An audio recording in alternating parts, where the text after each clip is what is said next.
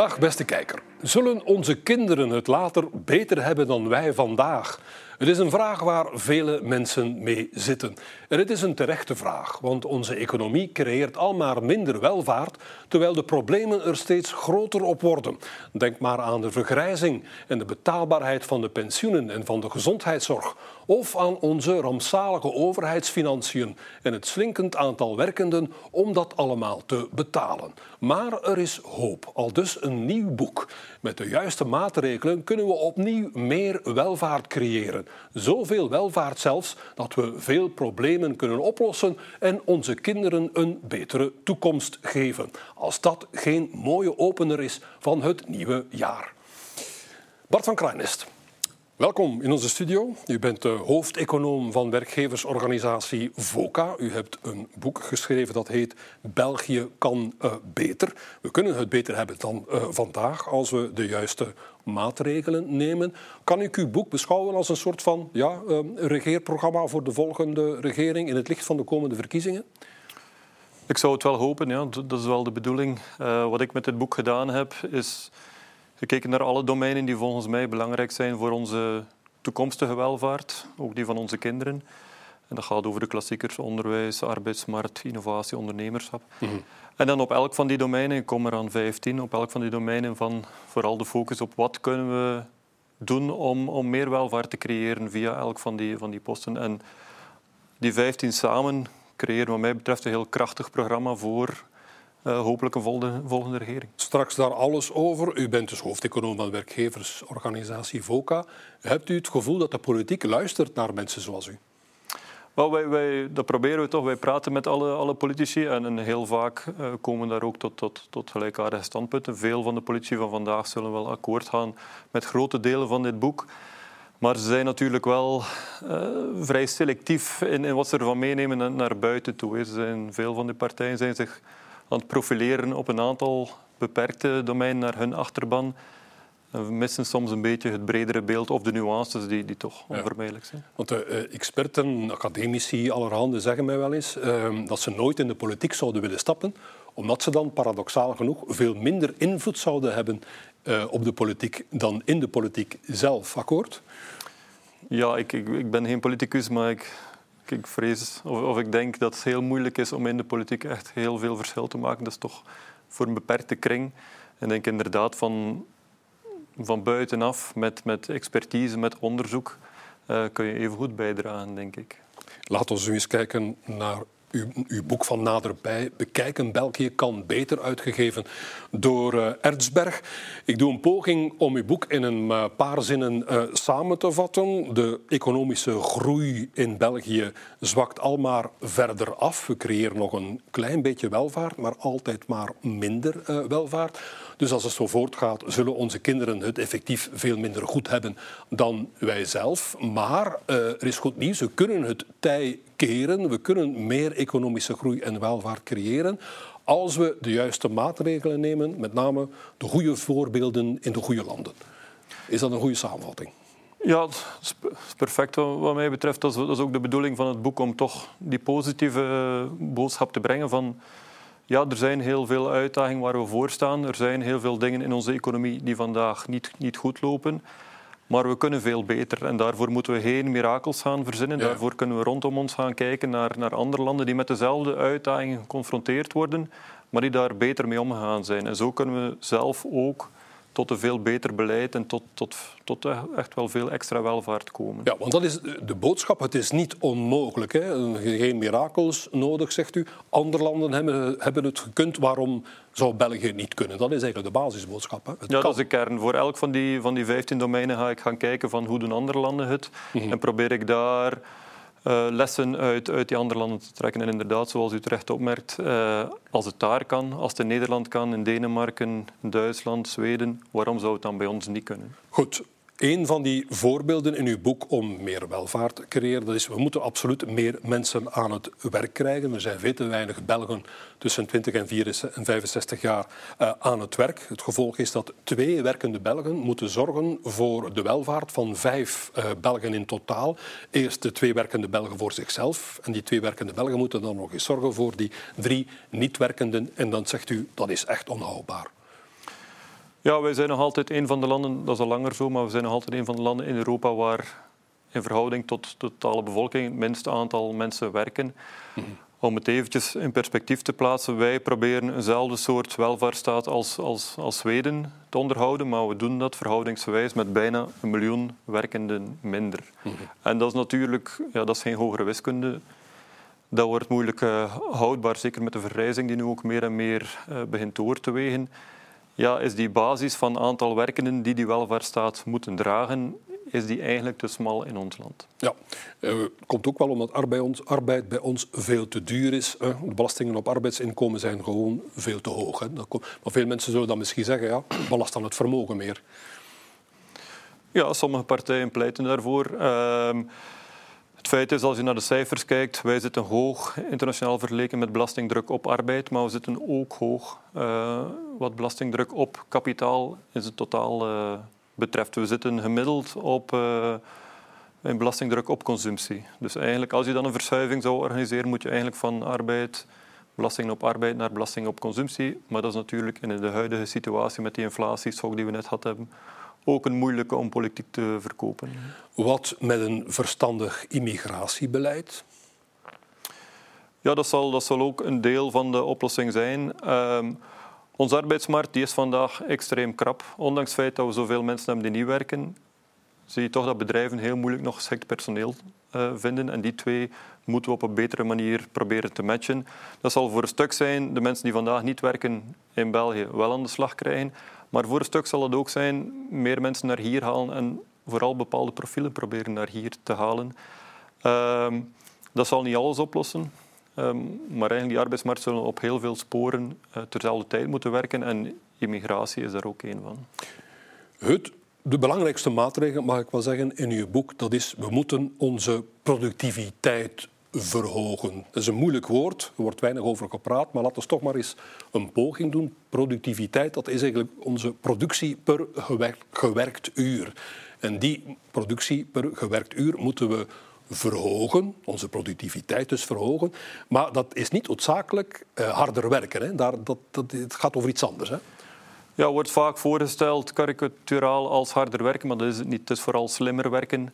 Uh, eenvoudig voorbeeldje, onze landbouwers vandaag zijn, ja, die produceren een veelvoud aan output in vergelijking met hun, uh, ja, hun collega's 100 jaar geleden. Dat is niet omdat ze een veelvoud harder werken, dat is gewoon omdat ze vandaag werken met betere machines, betere meststoffen, betere organisatie. Vroeger hadden de boeren enkel een zeis en een dorsvlegel, vandaag hebben ze een pikdorser. Ik ben geen expert in eh, landbouwtechnieken, maar, maar inderdaad. Dus het gaat erom slimmer te werken met betere instrumenten, met betere technieken, met betere organisatie. Dat, dat is waar productiviteitsgroei om draait. Niet zozeer harder werken, maar vooral veel slimmer werken um, met betere machines, betere technologie. En daar ligt enorm veel potentieel. En dan kan je toch nog met onze krappe arbeidsmarkt meer welvaart creëren. Nu, uh, het is eigenlijk, ik, ik, hoor u toch zeggen, die arbeidsmarktkrapte staat trouwens ook in het boek, zal ook al nemen we daar de juiste maatregelen, de arbeidsmarkt zal altijd wel ergens krap uh, blijven, zodanig dat productiviteitsverhoging, de groei van de productiviteit, dat het enige is wat ons overblijft om meer welvaart te, te creëren. Maar die productiviteitsgroei is in België aan het stilvallen. Hè? Dat is het grote probleem. In de meeste westerse landen is die productiviteitsgroei al decennia lang stelselmatig aan het, uh, aan het vertragen. Um, en nu zitten we daar dicht bij het, bij het punt waar dat al eigenlijk stilaan aan het stilvallen is. Dus dat, gegeven dat er ook nog een aantal ja, transities bezig zijn in de wereldeconomie, de veroudering van de bevolking, de duurzame transitie die bezig is, ja, dat zijn toch factoren die nog extra druk zetten op die, op die economie, op die productiviteitsgroei. En als we daar niet echt iets gaan aan doen, dan dreigt die productiviteitsgroei stil te vallen. En eens we daar zijn, dan betekent dat effectief dat onze kinderen op termijn niet beter zullen af zijn dan ons. En eventueel zelfs slechter als die productiviteitsgroei effectief onder nul zou uh, zakken. Ja, en de productiviteitsgroei die vertraagt in België meer dan in andere vergelijkbare landen. Hoe komt dat? Ja, dat is verontrustend. Hè. In de meeste westerse landen zie je die vertraging, maar bij ons is die meer uitgesproken. Wij halen ons hier natuurlijk een heleboel, onze economie, een heleboel handicaps op de hals. We hebben de gekende loonhandicap, we hebben nu de energiekostenhandicap die er, die er in de recente crisis zo wat bijgekomen is. We hebben ook we zijn toch ook wel een beetje ziek in, in het bedje van uh, regulitis. Uh, heel veel administratieve lasten, heel veel regeltjes. Uh, met hele duurzame transitie proberen we dat nu ook op te lossen met alsmaar meer regeltjes die, ja, die ondernemen die ja, economisch actief zijn alsmaar moeilijker maken. En, en, en dat doen wij meer dan, dan, dan veel andere landen. En daardoor zie je dat die productiviteitsgroei bij ons meer onder druk komt. Dus bij ons is het probleem extra groot. Hoe verhogen we nu die groei van de productiviteit? Veel kijkers zullen allicht zeggen artificiële intelligentie. Dat moeten we doen om de productiviteit te verhogen. Ja, digitalisering en artificiële intelligentie zijn op dit moment waarschijnlijk uh, het meest krachtige, potentieel krachtige instrument dat we hebben om die productiviteit de komende decennia echt gevoelig op te krikken. We staan daar eigenlijk nog aan, het begin van dat proces. Uh, er zijn daar ramingen van uh, over economisch potentieel. Dat gaat tot de zotste, de zotste bedragen. Maar artificiële intelligentie, zoals het er nu naar uitziet, heeft echt wel het potentieel om uh, hele categorieën van jobs, ook in de dienstensector, de komende, de komende jaren structureel te gaan veranderen en vooral heel wat productiever te maken. En, en, dus dat potentieel is daar enorm. Het zal ook niet vanzelf gaan. Hè. We zullen wel moeten de inspanning doen naar opleiding toe, naar investeren in digitale infrastructuur, om dat potentieel te kunnen, kunnen waarmaken. Daar zijn we op dit moment ook niet zo goed mee bezig. Ja. En veel kijkers zullen zich wellicht ook wel afvragen, uh, zal artificiële intelligentie mijn job niet vervangen?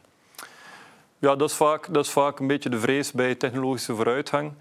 Uh, dat was ook in het verleden zo. De grote technologische transities die we gezien hebben, telkens was de vrees van oké, er gaan hier uh, eerst enorm veel jobs verdwijnen in landbouw, later in de industrie, nu in de dienstensector.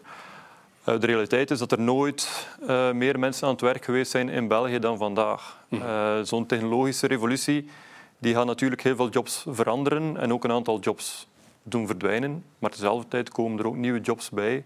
Combinaties, denk ik, van mensen met, versterkt met artificiële intelligentie. Uh, die houden nog enorm veel potentieel in. Ik denk niet dat, dat we daar al te bevreesd moeten zijn. Die krapte op de arbeidsmarkt waarmee dat we zitten, die technologische verschuivingen, probleem van de toekomst is niet werkloosheid of te weinig jobs. Ja, uh, trouwens, um, de Gentse econoom uh, Gert Peersman die doet een bijdrage in uw boek en die zegt artificiële intelligentie zal de productie goedkoper maken. Dat doet de koopkracht stijgen, dus de vraag naar die producten zal stijgen en daarvoor zijn meer jobs nodig. Dus hij zegt netto zullen eigenlijk geen jobs verloren gaan. Gaat u daarmee akkoord? Ja, of komen er zelfs bij. Er worden nieuwe mogelijkheden gecreëerd, nieuwe opportuniteiten nieuwe jobs. En die extra welvaart inderdaad zal ook zorgen voor extra activiteiten en extra jobs. Dus ik denk niet uh, dat dat potentiële jobverlies uh, de grootste uitdaging is. De grootste uitdaging is wel om te zorgen dat iedereen mee kan. Hè. Dat, dat, dat ook door opleiding mensen eh, die, waarvan hun job verandert of hun job verdwijnt, dat die ook de mogelijkheid krijgen om door te groeien naar nieuwe soorten jobs. Dat is ja. vaak wel moeilijker en, en dan moet je natuurlijk inzetten op opleiding wat we vandaag ook te weinig doen. Levenslang leren, zoals u ja. uh, ook in uw boek zegt. Even tussenin, uh, meneer Van Krijnest, in uw boek maakt u ook uh, brandhout van de zogenoemde degrowth theorie. Theorie die zegt dat we af moeten van onze obsessie met economische groei om uh, duurzamer te kunnen werken en leven.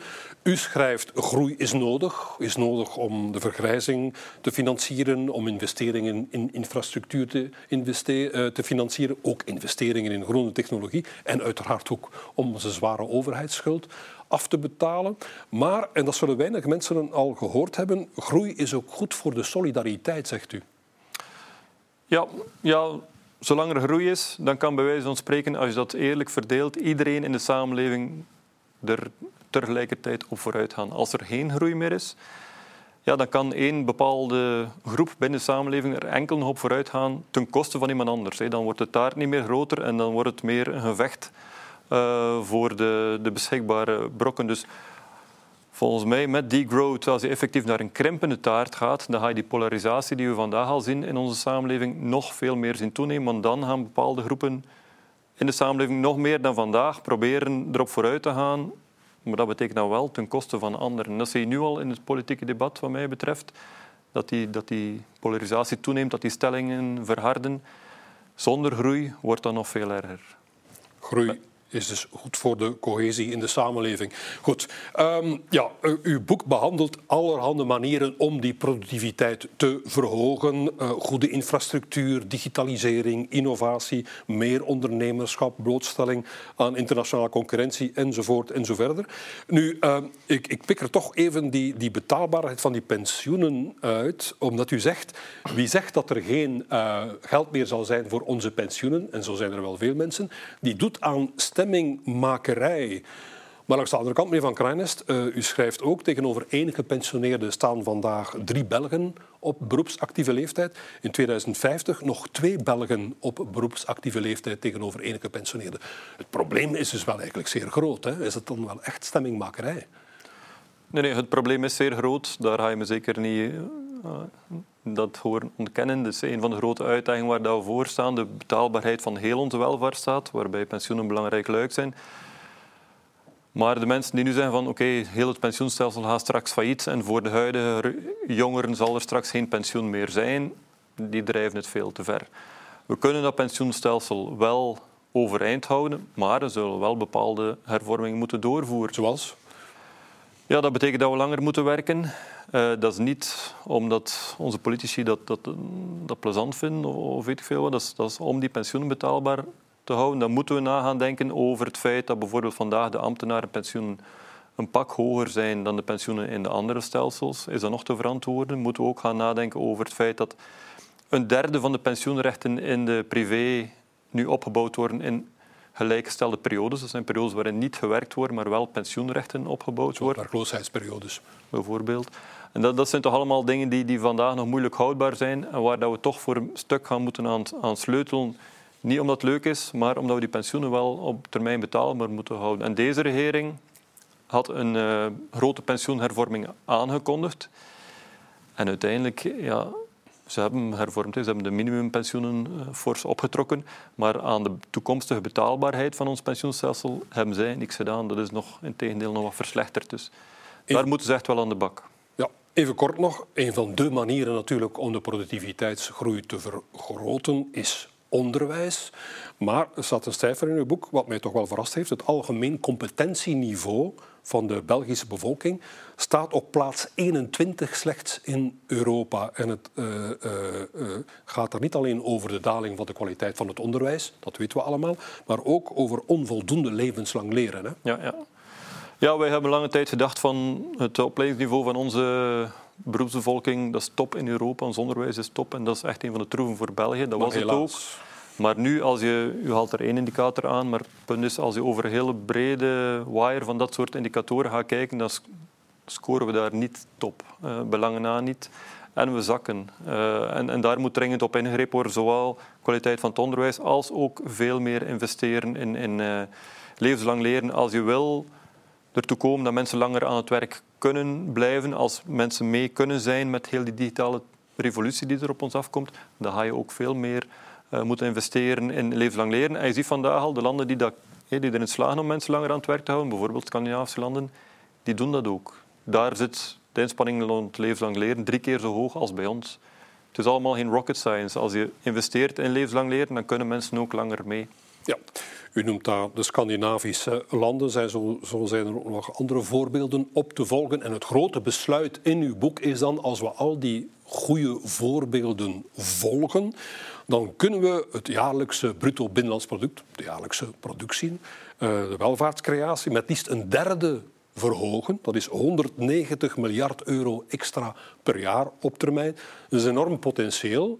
Maar is dat nu voldoende, meneer Van Kleinest, om al onze problemen op te lossen? Pensioenproblemen, begrotingsproblemen, investeringsachterstand enzovoort? Ja, dat is natuurlijk een simulatie. het cijfer dat u opnoemt is een simulatie van de, van de OESO, eh, waarbij dat we echt aansluiting gaan vinden op tal van domeinen bij de toplanden in, in, in onder de industrielanden.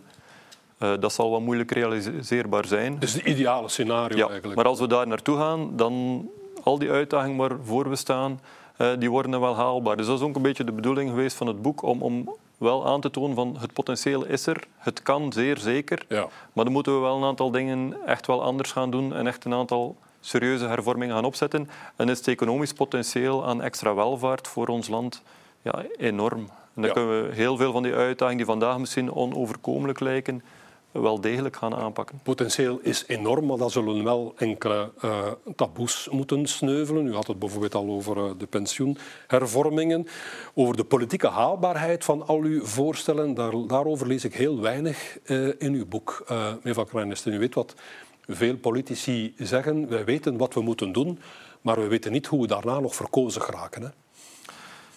Ja, wel, het cynische is dat er vandaag een aantal partijen zijn die misschien sowieso al daarmee worstelen om nog verkozen te geraken. Ja. Um, nee, dat, klopt. Ik, ik, ben geen uh, politiek expert. Uh, vandaar dat ik het boek toegespitst heb op de economische antwoorden. Mm -hmm. Uiteraard, het, het, uh, de politieke haalbaarheid is een, is, een, is een moeilijk verhaal. is ook een vraag die, die veel terugkomt. Gewoon eventjes om het voorbeeld te geven, we hebben het wel gekunnen. In alle economische handboeken rond hervormingsprogramma's staat België twee keer als voorbeeldland. Eén keer begin jaren 80 met de devaluatie uh, in 1983 en dan nog een keer begin jaren 90 met het globaal plan van de Hane. Twee keer dat we onze economie eigenlijk serieuze duwen in de goede richting hebben kunnen geven. Uh, dus we konden in het verleden wel dus zouden we het eigenlijk vandaag ook moeten gaan kunnen. Ja, maar we hebben toen een, onze economie een serieuze duw uh, uh, kunnen geven, omdat het niet anders kon natuurlijk. Hè? Dat is het frustrerende, inderdaad. Uh, we hebben het in het verleden gekunnen, maar enkel omdat de externe druk zo groot werd dat we niet anders konden. Hè. Begin ja. jaren 80 door de financiële markten, begin jaren 90 om in de euro te geraken. Het, het, het verontrustende is dat we nu misschien weer moeten wachten tot die druk gaat toenemen voor we eraan beginnen. Maar we zouden beter het nu al het heft in eigen handen nemen en het nu al doen zonder dat die druk er is, dan is het toch makkelijker. Het, uh, het uh, probleem, het eeuwige probleem is ook dat ja, um, het effect, het positieve effect van de juiste economische maatregelen uh, zich pas laat voelen lang na de volgende verkiezingen. Hè? Ja, veel van die maatregelen werken in onderwijs. Als je de kar wil keren in het onderwijs, dan duurt dat jaren voordat je daar de resultaten van ziet. Ehm, dat klopt, maar beleid voeren zou nu net die lange termijn moeten in gedachten houden, niet enkel bezig zijn met de waan van de dag. Maar dat blijkt niet altijd uh, gemakkelijk. Daar komen we dan weer bij die politieke haalbaarheid uh, terecht. Allicht, uh, meneer Van Kranis, zullen een paar ehm, kijkers zeggen, of misschien wel meer dan een paar kijkers zeggen, ehm, waar maakt die Bart van Kraanest zich druk over? De Belgen stellen het toch redelijk goed. Hè? De koopkracht stijgt, de economische groei zit ook goed. Voorspelling, groeivoorspelling van de Nationale Bank voor dit jaar, 2024, 1,3% groei is nog zo slecht niet. Trouwens, zeer opmerkelijk ook, eh, de bedrijfsinvesteringen zijn in 2023 met liefst 10% gestegen. Bent u geen nodeloze paniek aan het zaaien, meneer Van Krijnest? Uh, ik probeer zeker geen paniek te zaaien, voor de duidelijkheid. Maar daar kom je weer tot het verschil tussen die korte termijn en, en de lange termijn. Wij zijn goed. Ons hele, ons hele bestel is eigenlijk uitstekend opgebouwd om het status quo te, te vrijwaren. En dat het gevolg daarvan is dat wij het doorgaans als Belgische economie het goed doen in crisisperiodes. Ook deze crisis, corona, inflatiecrisis, zijn wij eigenlijk redelijk goed doorgekomen door onze systemen, zoals tijdelijke werkloosheid, zoals automatische loonindexering. Systemen die erop voorzien zijn om het status quo eigenlijk te beschermen. Mhm. Maar in een wereld die alsmaar sneller verandert door de vergrijzing, door de digitale transitie, door de duurzame transitie, de geopolitieke verschuivingen in de wereldeconomie, ja, dan is status quo niet langer een troef, maar, maar, maar eerder een, een handicap. Om, om echt mee te zijn met die grote transformaties die in de wereldeconomie bezig zijn op dit moment, ja, moet je ook durven veranderen. En daar zijn we veel slechter in. Dus wij, het korte termijn crisismanagement, dat doen we eigenlijk doorgaans redelijk goed de lange termijn uitdaging, die, waarvan we nu al weten dat die op ons afkomt, op ons afkomen, daar zijn we doorgaans veel, veel slechter in. Ja, en ik vraag me ook af of, het, eh, of we nog wel buffers hebben voor, zelfs voor dat korte termijn crisismanagement. Want ja, hoe Pierre Wunsch, gouverneur van de Nationale Bank, zei onlangs in Trends in de volgende legislatuur zullen we, al, zullen we 10 miljard euro nodig hebben alleen al om het begrotingstekort te stabiliseren. Dan zeg ik nog niet om te voldoen aan de Europese uh, begrotingsregels. Dus uh, we hebben gewoon geen buffers meer, denk ik, om alleen nog maar crisissen te bekampen. Nee, dat, dat klopt. Die, we zitten nu wel, en vandaar ook dat deze volgende regering zo belangrijk wordt, we zitten wel daar ook op een beetje van een keerpunt. Die transities waar ik naar verwees, die komen nu allemaal op toerental. En wij starten aan die, aan die fase zonder buffers. Niet alleen zonder buffers, we hebben zelfs een redelijk grote put. Uh, die eerst voor een stuk, een begrotingsput, die eerst voor een stuk toch zal moeten gevuld worden voordat we kunnen beginnen aan nieuw beleid. Dus we zullen op een bepaald moment niet anders kunnen uh, dan de zaken wel wat anders aanpakken, zeker op, op begrotingsvlak, ja. waar die tekorten waar we vandaag mee zitten, ja, tekort van richting 30 miljard euro, is onhoudbaar op, op lange termijn. En er komen nog extra uitgaven op ons af. Dus ja. daar zullen we effectief wel iets moeten gaan doen. Weer al, de gemakkelijkste manier om dat te doen is door extra welvaart te creëren. De taart te vergroten, kun je daarna gaan herverdelen, maar eerst de taart vergroten en dan wordt het makkelijker om al die uitdagingen te gaan uh, opvangen. Ja, u zegt inderdaad 30 miljard euro. Dat is wat een doorlichting van het IMF in oktober ook al zei. Tussen dit jaar en 2030 zullen we inderdaad 30 miljard euro nodig hebben om de begroting overeind te houden en de vergrijzing te kunnen betalen. Maar we hebben het ei van Columbus, hè, meneer Van, uh, van Kruijnest. We geven gewoon fiscaal voordelige staatsbonnen uit. En klaar is Kees, nee? Ja, uh, wel, sommige, sommige politici hebben dat aangrepen als een bewijs van het vertrouwen van de Belg in, uh, in de overheidsfinanciën. Mm Lijkt mij wat heel kort door de bocht. Wat mij betreft was het vooral een dikke vinger richting, uh, richting de banken op, op, op dat moment. nee, onze overheidshuld is aan het oplopen en loopt de volgende jaar nog verder op. Eén cijfertje daarmee misschien. Van alle landen in, in Europa die een overheidshuld hebben van meer dan 100% van het BWP, daar zijn wij ook bij is België het enige land waar dat de overheidsschuld de komende jaren verder oploopt. In die andere landen komt de schuld naar beneden, de schuldgraad naar beneden. Dus heeft ook maar aan dat we op dat vlak eigenlijk op een onhoudbare traject zitten. En uh, hoeveel staatsbonnen we ook nog willen uitgeven, dat zal dat niet oplossen. Ja, en om die schuldgraad naar beneden te krijgen, dan hebben we weer groei nodig. En daarom moet de productiviteitsgroei hoger. Nu zouden we al niet veel geld kunnen besparen, meneer Van Krennis, door dit land uh, eenvoudiger te maken. We hebben een federale overheid, we hebben gemeenschappen, we hebben gewesten, we hebben provincies, we hebben gemeenten. Kan dat niet uh, wat eenvoudiger? Ja, dat kan zeker eenvoudig, eenvoudiger. Uh, maar we hebben daar vooral goed beleid nodig. Uh, dat is ook de focus van, van mijn boek. We hebben vooral op al die domeinen veel beter beleid nodig dan vandaag. En dan kun je gaan discussiëren over op welk niveau kun je best dat beleid eh, leggen. Maar wat we nu hebben, is dat heel die verschillende niveaus allemaal stukjes van bevoegdheden hebben, waardoor dat die bepaalde bevoegdheidsdomeinen volledig versnipperd zitten en sommige niveaus zelfs elkaar tegenwerken. Daar, daar moeten we zeker vanaf. Ik denk dat daar een grote consensus over is dat we die bevoegdheidspakketten veel beter kunnen concentreren in één, op één beleidsniveau. Die is dan ook onmiddellijk verantwoordelijk als, als, als verkeerd loopt, wat vandaag ook moeilijk vast te stellen is soms. En dan kun je gaan discussiëren op welk niveau je dat best legt. Uh, sommigen zullen zeggen van alles op federaal niveau is veel gemakkelijker. Maar daar hebben we al gezien de voorbije decennia dat daar heel veel blokkeert. Ik denk op sommige vlakken zijn ja, de verschillende regels in ons land zo ver uit elkaar gegroeid dat de antwoorden ook zodanig verschillend zijn dat die beter op regionaal niveau kunnen aangepakt worden. Dus ik denk die complexe stelstructuur, daar zitten we wel nog een tijdje mee, maar we moeten vooral denk ik werk maken van hoe kunnen we binnen die structuur uh, tot beter beleid komen. Maar vandaag efficiënter werken. Ja, vandaag ligt te veel geblokkeerd. Tot slot, uh, meneer Van Kruijnes, een cijfer in uw boek waarvan ik toch wel een beetje geschrokken ben. Bijna een vijfde van de Belgen, uh, dat zijn er meer dan 2 miljoen, 2,14 miljoen om precies te zijn, loopt het risico op armoede of sociale uitsluiting. En ik die dacht dat we in een welvaartsstaat leefden. Ja, inderdaad. Dat is ook een van de hoofdstukken in het boek dat is gewoon te veel. Laat dat duidelijk zijn. Uh, zowel, wij scoren niet slecht in Europa op vlak van armoede, maar inderdaad voor het welvarende land dat wij denken te zijn, is dat gewoon veel te veel. En vandaar ook natuurlijk weer al uh, een van uw vragen daar straks van we doen het toch redelijk goed in België. Op veel vlakken doen we het goed, maar op heel veel vlakken is er ook ruimte voor verbetering. En net daarvoor hebben we die extra, extra welvaart nodig. Die kunnen we dan gaan herverdelen, die kunnen we dan gebruiken om te investeren in beter onderwijs, betere sociale, nog betere sociale voorziening, een nog sterker welvaartsstaat. Um, zodat we allemaal beter, beter af zijn. Want die cijfers rond armoede, ja, volledig akkoord met wat u zegt, dat is niet wat wij denken, niet het België waarin dat wij denken, uh, denken te leven. We zijn een welvarend land, maar we laten ook veel welvaart liggen. Hè. Dat is eigenlijk de boodschap van uw boek. Eigenlijk ook een positieve boodschap. Meneer Van Krijnest, mag ik u danken voor uw komst naar de studio. Met plezier. Zo, einde van de eerste Trendstalk van het nieuwe jaar. Volgende week zal collega Francisca van Tielen het gesprek leiden. In naam van de hele ploeg van Trendstalk wens ik u een gelukkig, succesvol en vooral vredevol 2024. Graag tot ziens.